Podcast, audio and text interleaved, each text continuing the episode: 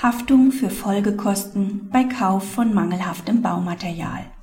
Nach 439 BGB kann der Verkäufer mangelhaften Baumaterials die Nacherfüllung verweigern, wenn sie mit unverhältnismäßigen Kosten verbunden ist.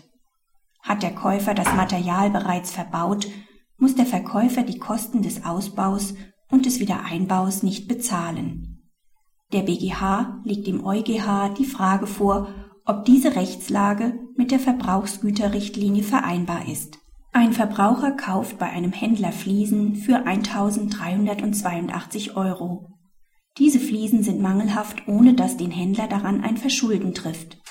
Ein Komplettaustausch der Fliesen kostet 5830 Euro, wobei 2122 Euro auf den Rückbau der bereits verlegten Fliesen und rund 1800 Euro auf Lieferung und Transport der neuen Fliesen entfallen.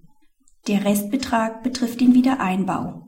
Der BGH hat die Frage zu klären, ob der Händler Rückbau und Neulieferung der Fliesen wegen Unverhältnismäßigkeit verweigern kann und welche Rechte dem Verbraucher zustehen, wenn keine Unverhältnismäßigkeit vorliegt.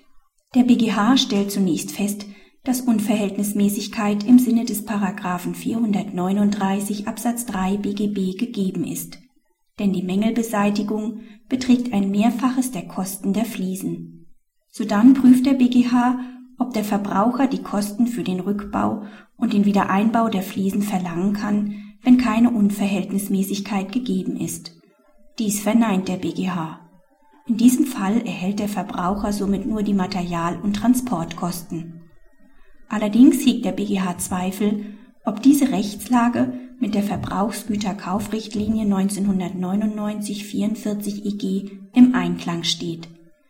Er legt dem EuGH deshalb die Frage vor, ob die Richtlinie einer nationalen Regelung entgegensteht.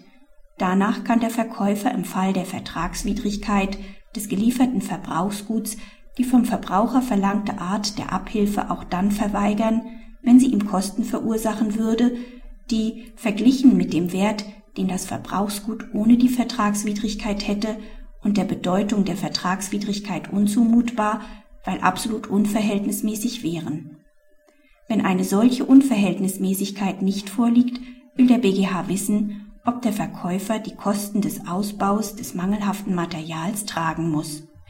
Praxishinweis die Entscheidung des BGH hat erhebliche praktische Konsequenzen, denn ein Verschulden des Händlers, welches allein die Kosten für den Ausbau und Wiedereinbau begründen könnte, wird im Regelfall nicht vorliegen, da der Händler kaum erkennen kann, ob die Baustoffe mangelhaft sind. Damit steht der Verbraucher im Hinblick auf die Aus- und Einbaukosten, die den Wert des Baumaterials zumeist deutlich übersteigen, derzeit praktisch rechtlos